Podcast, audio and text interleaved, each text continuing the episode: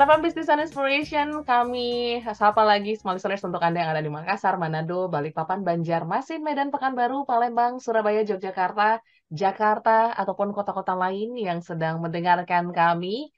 Semangat untuk melakukan aktivitas yang sedang dalam perjalanan, hati-hati di jalan, jangan sampai um, apa ya marah-marah gitu di jalan ya, tahan emosinya, tahan bicaranya uh, pagi hari ini kita bahas topik yang juga cukup menarik, mungkin juga cukup relate gitu ya. Mana lebih baik antara diam dan bicara.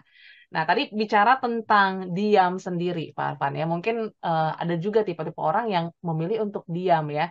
Diam di sini kan bisa dikatakan diam adalah uh, diam itu emas gitu. Tapi kalau diam diam diam diam terus, memendam memendam terus, kayaknya emasnya nggak kelihatan gitu. So, gimana caranya untuk kita bisa tahu momen yang tepat untuk kita berbicara itu kapan dan diam itu sebenarnya kapan? Pak Arfan silakan. Terima kasih banyak Audrey ya. Um, jadi mana yang lebih baik, bicara atau diam? Mhm. Tergantung kondisinya. Oke. Okay. Tergantung manfaatnya. Mm-hmm. Gitu ya kalau lebih bermanfaat bagi kita berbicara, ya bicara. Kalau kita punya sesuatu yang baik untuk dikatakan, katakan. Gitu. Tapi kalau kita tidak punya sesuatu yang baik untuk dikatakan, ya diam. Kalau kita tidak tahu akan sesuatu, diam. Ada banyak orang yang tidak tahu akan sesuatu, tapi bicara, benar nggak? Ya, ya betul. Dia sebenarnya nggak terlalu ngerti sama apa yang sedang diomongin, nggak terlalu ngerti. Tapi demi kredibilitas, demi pencitraan, kemudian dia berbicara. Padahal lebih bagus diem kalau kita nggak tahu kan. Kenapa? Karena kalau kita tidak tahu dan kita berbicara, maka orang akan tahu kebodohan kita. Hmm. Kalau kita diem nih, Audrey lagi ngobrol sama narasumber ya yang ya mengenai sesuatu topik yang Audrey tidak memahami. Audrey lebih banyak diam, lebih banyak mendengarkan. Gitu ya. Kalau kita banyak diam dan mendengarkan, maka orang yang berbicara bersama kita itu mungkin hanya akan bertanya-tanya. Mm-hmm. Audrey sebenarnya ngerti apa enggak ya gitu. Oke. Okay. Jadi masih ada kemungkinan, 50% kemungkinannya Audrey mengerti apa yang dibicarakan. Paham atau tidak ya? 50% lagi kemungkinannya Audrey tidak mengerti apa yang dibicarakan. Karena Audrey diam aja gitu. Banyak lebih banyak mendengarkan, manggut-manggut, mencatat gitu. Uh-huh. Tapi kalau Audrey memutuskan untuk bicara, maka dia akan yakin 100% bahwa kita nggak tahu apa-apa gitu. Oke. Okay. Gitu kan? Jadi kalau Anda tidak tahu akan sebuah topik yang dibicarakan, ya jangan jangan bicara. Kalau Anda bicara, orang akan tahu dengan terang benderang bahwa Anda nggak ngerti apa-apa. Kalau nggak tahu, diem. Kalau diem itu orang masih berpikir, ini orang 50% kemungkinannya tahu, 50% kemungkinannya nggak tahu. Gitu. Dan ya bisa saja itu uh, kita dianggap, oh ya dia dia tahu, tapi dia memang sengaja dia ingin uh, apa namanya menggali, menggali atau mencari informasi dari kita. Okay. Itu. Jadi kalau ditanya mana yang lebih baik ya tergantung situasi. Tapi yang ingin saya katakan adalah yang menjadi ukuran baik tidaknya itu adalah manfaatnya gitu. Uh-huh. Manfaatnya. Kalau orang diam terus gitu ya, ya pada akhirnya nggak menghasilkan manfaat. Jadi kalau misalnya contoh, contoh tadi ya, istri saya kalau marah tuh suka diem gitu. Diam. ya, itu ber, bermanfaat untuk di awal. Oke. Okay. Karena di awal saya tahu, oh iya ya berarti. Paham ya. Oh iya, saya udah paham nih. Kalau dia kok diam ya, uh, ngomongnya juga uh, pendek-pendek gitu ya. Kalau ditanya menjawab seadanya, oh ini, ini ini lagi marah nih gitu ya. Maka saya akan melakukan introspeksi gitu. Apa ya tadi? Saya salah ngomong apa ya tadi ya? Um, ada yang ini, ada yang kata-kata uh, yang nggak pantas nggak gitu? Ada ada kata-kata yang menyakiti hatinya nggak gitu ya? Nah, jadi saya akan introspeksi. Oke. Okay. Tapi kalau diamnya kelamaan, akhirnya sampai besok masih diem juga, sampai besok masih diem juga, itu akhirnya tidak membawa manfaat gitu. Yeah itu akhirnya diamnya itu uh, sesuatu yang membawa mudorot ya pada akhirnya apa akan membuat hubungan menjadi uh, berjarak ya timbul prasangka dan sebagainya gitu jadi cukup sebentar aja yang kayak kayak gitu itu. Boleh kita ketika kita marah sama pasangan sama teman sama anak buah tunjukkan sebentar aja gitu. Sebentar gitu ya. Setelah itu nah mulailah anda berkomunikasi ya. Setelah kemarahannya hilang ya jadi kita bisa berkomunikasi dengan tanpa emosi. Karena marah itu sesungguhnya adalah sebuah isyarat dari alam semesta bahwa ada sesuatu yang salah yang harus diperbaiki. Oke. Kalau Anda diem, sesuatu itu tidak akan pernah jadi baik. Ya, iya. Gitu. Mhm. Itu Audrey. Jadi ukurannya adalah itu. Ukurannya adalah manfaat. Ya. Ya, kalau Ya. memberi memberi manfaat bicara. Kalau nggak memberi manfaat atau memberi manfaat sih, tapi semua orang udah ngomongin itu. Mhm. Semua orang udah ngomongin itu. Kita masih ngomongin juga, omongan kita tuh menjadi tidak bernilai. Ibaratnya begini. Kalau anak saya punya salah gitu, Mhm. anak saya punya salah, kemudian mamanya sudah menyampaikan, kamu gini, gini, gini, gini. Mamanya udah jelas banget deh. Ngapain lagi saya ikut bicara kan gitu. Ya. Kalau saya ikut bicara, pembicaraan saya menjadi tidak bernilai karena menjadi overdosis bagi si anak. Ya Mhm. udahlah, udah dimarahin sama mama, udahlah, papa nggak usah nggak usah marah, tapi papa cuma menunjukkan bahwa papa mengendorse gitu ya kemarahan dari mama. Papa mengendorse saja, gitu ya cukuplah. Kalau papa ikut marah juga, itu sudah tidak akan bernilai dan akan terasa overdosis pada si anak begitu. Mhm. Itu Audrey. Yes, jadi tergantung manfaatnya dan tentukan juga situasi serta kondisinya. Jangan sampai salah timing gitu ya. Tuh. Eh, jadi kaitannya sebenarnya eh, untuk memilih gitu ya eh, manfaat dan juga situasi ini Pak Arfan eh, dengan happiness sendiri itu seperti apa? Apakah ketika kita bisa menempatkan apa ya diri kita kita jadi lebih makin happy mungkin atau seperti apa? Kalau pembicaraan kita tidak bernilai, Mhm. ya memancing keributan, memancing eh, rasa tidak nyaman bagi banyak orang, itu tidak akan menghasilkan kebahagiaan kan. Hmm. Karena salah satu pilar kebahagiaan itu kan adalah eh, positive relationship, ya, hubungan kita dengan orang lain gitu. Jadi kalau kata-kata kita itu menyakiti orang lain, di dunia ini kan berlaku hukum timbal balik ya. Orang lainnya kita sakiti itu kan nggak akan puas, dia akan balik menyakiti kita. Karena semua orang itu kan mencari rasa keadilan atau sense of justice. Jadi hati-hati ini mulutmu harimaumu gitu. Ketika kita salah bicara, maka itu akan menciptakan eh, ketidakbahagiaan di eh, di diri orang lain maupun di diri kita gitu. Jadi bicaralah ya kalau bicara dengan bicara itu kita sedang meningkatkan nilai kita. Diamlah kalau dengan diam itu kita sedang meningkatkan nilai kita. Jadi bicara itu baik, diam juga baik, tergantung manfaat dan nilai yang kita sedang berikan kepada orang lain. Gitu, Audrey. Yes, jadi eh, apa ya? Kadang apa yang kita omongin itu juga bisa menjadi kebahagiaan atau bahkan petaka juga untuk orang lain ya, Arfan ya. Betul, Eh, betul, betul. ini ten- tinggal apa ya? Kita yang menentukan gitu ya, mau memilih bicara ataupun diam seperti itu. Ya. Ini ada beberapa sharing-sharing juga nih Pak Arfan yang mungkin pernah punya pengalaman gitu ya. Ini rata-rata nih pada apa ya? Pada menghadapi masalahnya itu eh, kadang ada yang justru lebih ke konfrontasi nih, seperti Ya. dari Bapak eh, Denny ya, Pak Denny di Jakarta Timur. Selamat pagi Pak Arfan. Em, bicara tentang bicara dan diam. Saya adalah orang yang gemes banget kalau ada problem ataupun masalah. Saya biasanya konfrontasi seperti itu ya. Tapi eh, sering kali saya mau ngambil jeda untuk diam dulu karena kalau saya langsung omongkan pasti akan ada yang sakit hati. Seperti itu. Itu dari Pak Denny ya. Selanjutnya eh, dari Ibu Ibu Diana, Ibu Diana di Grogol. Selamat pagi Pak Arfan. Em, semoga bahagia pagi hari ini. Eh, kalau kita perempuan sering banget dibilang suka banget diem gitu ya. Seperti mungkin istrinya Pak Arfan tadi gitu.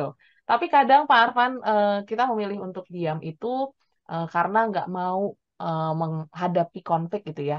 Malas untuk ribut, malas untuk cekcok gitu ya. Jadi lebih milih diam. Apakah ini baik ke depannya untuk eh, relationship ya dan juga kebahagiaan? Mungkin itu dulu Pak Arfan kita responin. Ya. Terima kasih banyak ya. Em, kalau kita melihat ada kesalahan di depan kita, Mhm.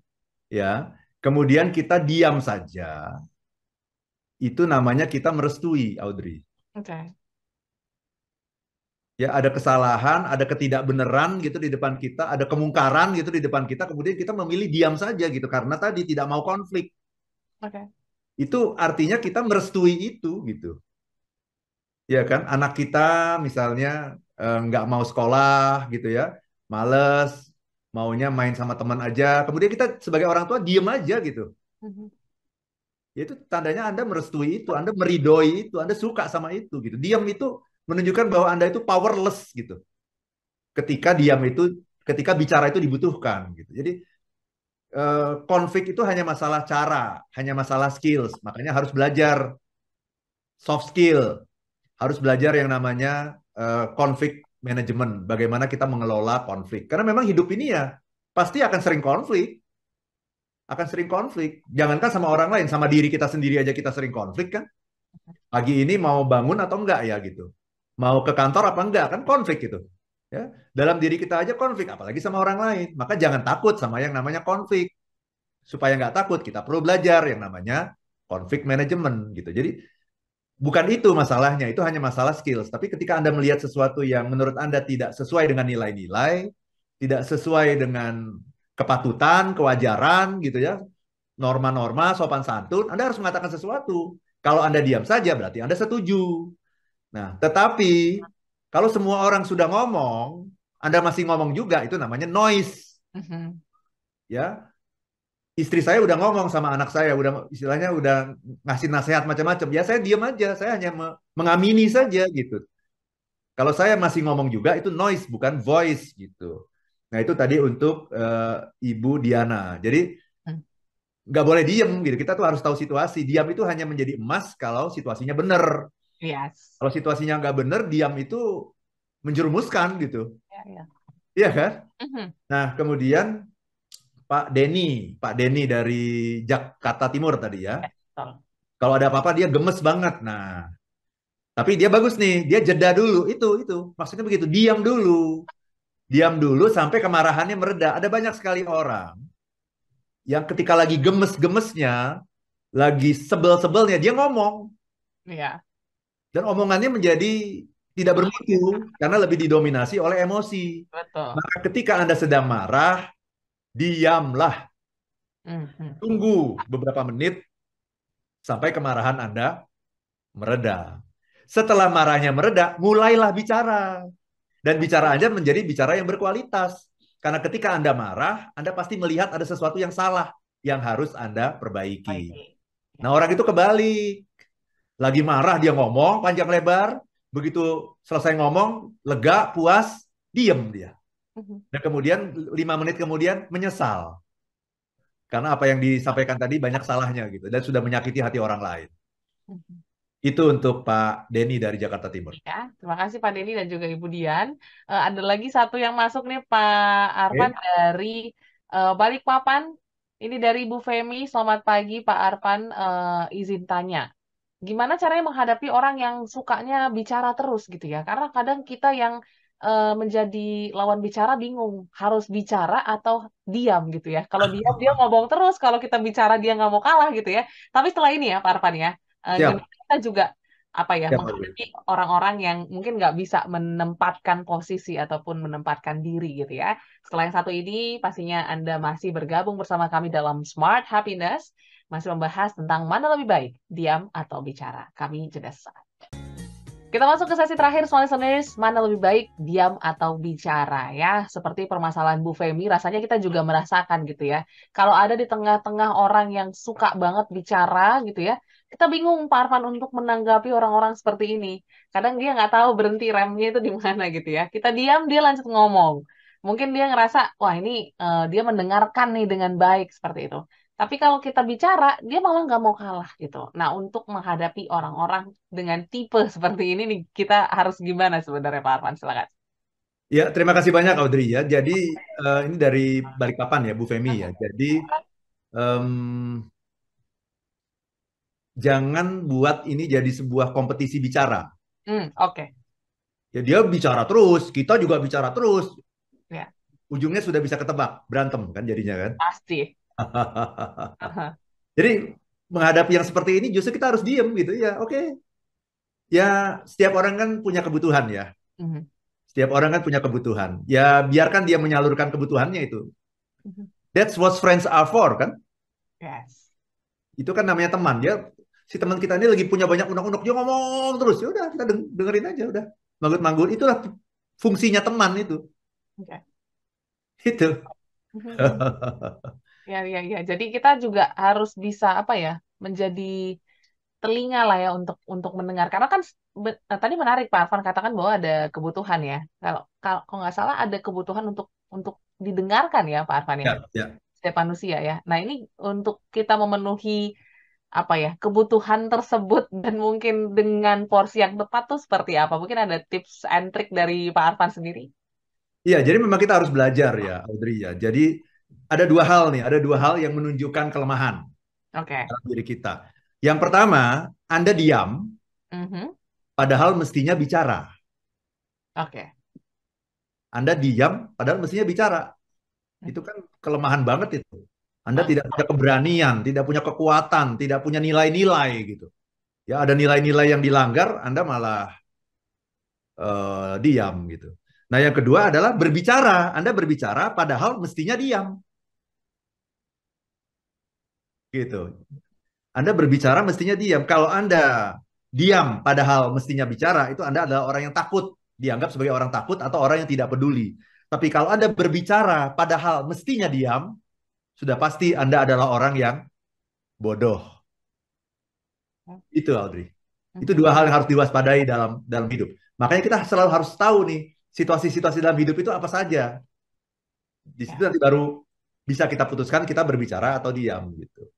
Oke, ada nggak sih sebenarnya Pak Arfan aturan-aturan untuk kita bisa berbicara dan menyampaikan apa ya perasaan ataupun pendapat dengan baik, mungkin em, dengan nada yang baik mungkin atau dengan bahasa yang baik mungkin seperti apa?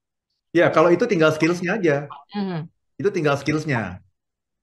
Ya, latihan. Ada belajar komunikasi kan, bagaimana caranya berkomunikasi, ada public speaking dan sebagainya. Itu hanya cara latihan saja gitu. Tapi yang paling penting sesungguhnya mindsetnya. Bicara dan diam itu sama baiknya. Sejauh itu meningkatkan nilai Anda bagi orang lain, meningkatkan manfaat Anda bagi orang lain. Itu. Hmm, Jadi bicara itu berkualitas, diam itu juga berkualitas. Kalau kita tahu manfaatnya, dampaknya bagi orang lain. Hmm, Jadi Itu. harus dipikirkan terlebih dahulu ya eh, dampak dan juga efeknya untuk orang-orang di sekitar kita. Oke, bicara juga tentang em, apa ya eh, dua konsep ini bicara dan diam ya Pak Arfan ya. Kadang kita dalam menghadapi tantangan hidup kehidupan gitu ya, kita harus mungkin kadang bicara sama diri kita sendiri supaya kita lebih optimis gitu ya. Tapi kadang kita juga harus diam juga nih melihat tantangan-tantangan kalau misalnya em, apa ya, ada yang membuat kita itu sulit untuk optimis ataupun mungkin menjegal kita. Nah, kayaknya dengar-dengar Pak Alvan ada kelas yang menarik nih tentang eh, installing optimism. Boleh di-share mungkin apa yang har- yang bisa didapatkan sama listeners kalau ikut kelas ini, Pak Alvan? Ya, betul sekali, Audrey. Besok nih, hari Sabtu besok nih, Oke, aha. eh, kita akan eh, buka kelas. Judulnya adalah Installing Optimism. Yes. Ya, jadi installing tuh kayak nginstall AC gitu loh. Mhm. Audrey. Jadi kalau kita pasang AC kan temboknya dibobok, kemudian dikasih kabel-kabelnya di sana, pembuangannya di mana gitu ya dan sebagainya. Udara masuk dari mana? Nah, jadi besok itu selama tiga jam nih dari setengah sembilan pagi sampai setengah dua belas siang kita akan menginstal nih. Jadi di kepala kita tuh dipasang nanti, Mhm. dipasang instalasi yang sudah siap gitu. Ya. Menghadapi tantangan seberat apa pun kita sudah siap gitu. Kalau sudah ada instalasinya, jadi ibarat mau eh, mau ngidupin AC, kalau instalasinya sudah terpasang, tinggal ambil remote kita ngidupin, gitu. Jadi akan siap kalau Anda tahu rumus-rumusnya, cara-caranya, skillsnya untuk bisa optimis dalam situasi apa pun. Nah, silakan teman-teman, masih ada tempat nih untuk Anda hubungi ILM di 0812 12345 949 0812 12345 949. Oke. Itu teman-teman ya. Yes, jadi boleh langsung dihubungi gitu ya eh, kontak yang sudah diberikan oleh Pak Arfan Pradiansyah tadi itu ya. Jadi jangan sampai ketinggalan karena jarang-jarang juga ya topik ini diangkat ya Pak Arfan ya. Betul, betul. Eh, apalagi sebentar lagi kita udah siap-siap nih untuk menghadapi tahun 2024. Gimana cara kita untuk optimis gitu ya di tahun politik. Bicara teng- tentang tahun politik Pak Arfan, ini kan juga menjadi menarik topiknya kalau kita kaitkan dengan apa tahun politik ya di masa-masa sekarang dan mungkin tahun depan. Nah, ini mungkin apa ya? em, kasih tips juga ya untuk kita bisa lebih mendengarkan ya, menggunakan telinga. Karena kadang kita lebih lebih apa ya banyak bicara padahal kita cuma punya satu mulut gitu tapi kita jarang menggunakan dua telinga kita silakan Pak Arfan betul sekali. Jadi kita belajar dari tubuh kita ya. Mm-hmm. ya uh, telinga itu ada dua. Mulut itu cuma satu. Berarti mestinya apa? Kalau kita mau berbicara yang berkualitas mm-hmm. dengarkan dulu dua kali baru bicaranya sekali. Dengarkan dua kali. Bahkan sebetulnya mendengarkan itu bukan hanya dengan telinga, Audrey, dengan telinga, dengan mata, dengan hati. Ya. Jadi Tuhan itu menciptakan alat-alat untuk mendengarkan itu banyak sekali. Alat untuk bicara itu cuma satu, bayangkan itu. Ya. Itu kan sebetulnya menggambarkan sesuatu kan? Ya. Orang yang bicaranya tidak berkualitas adalah orang yang mendengarnya sekali, mendengarkan sekali, bicaranya dua kali, tiga kali, empat kali, lima kali bicaranya lebih banyak daripada mendengarkan. Ya. Bicara itu harus lebih sedikit daripada mendengarkan. Jadi kalau saya mau bikin, kalau saya mau pidato, uh, Audrey, mau pidato 5 menit, saya harus persiapannya berapa? 10 menit. Supaya pidato saya berkualitas. Oh. Kalau saya mau uh, ngasih sesi motivasi itu di berbagai perusahaan, 2 jam, saya persiapannya berapa? 4 jam. 4 jam. 4 jam itu apa?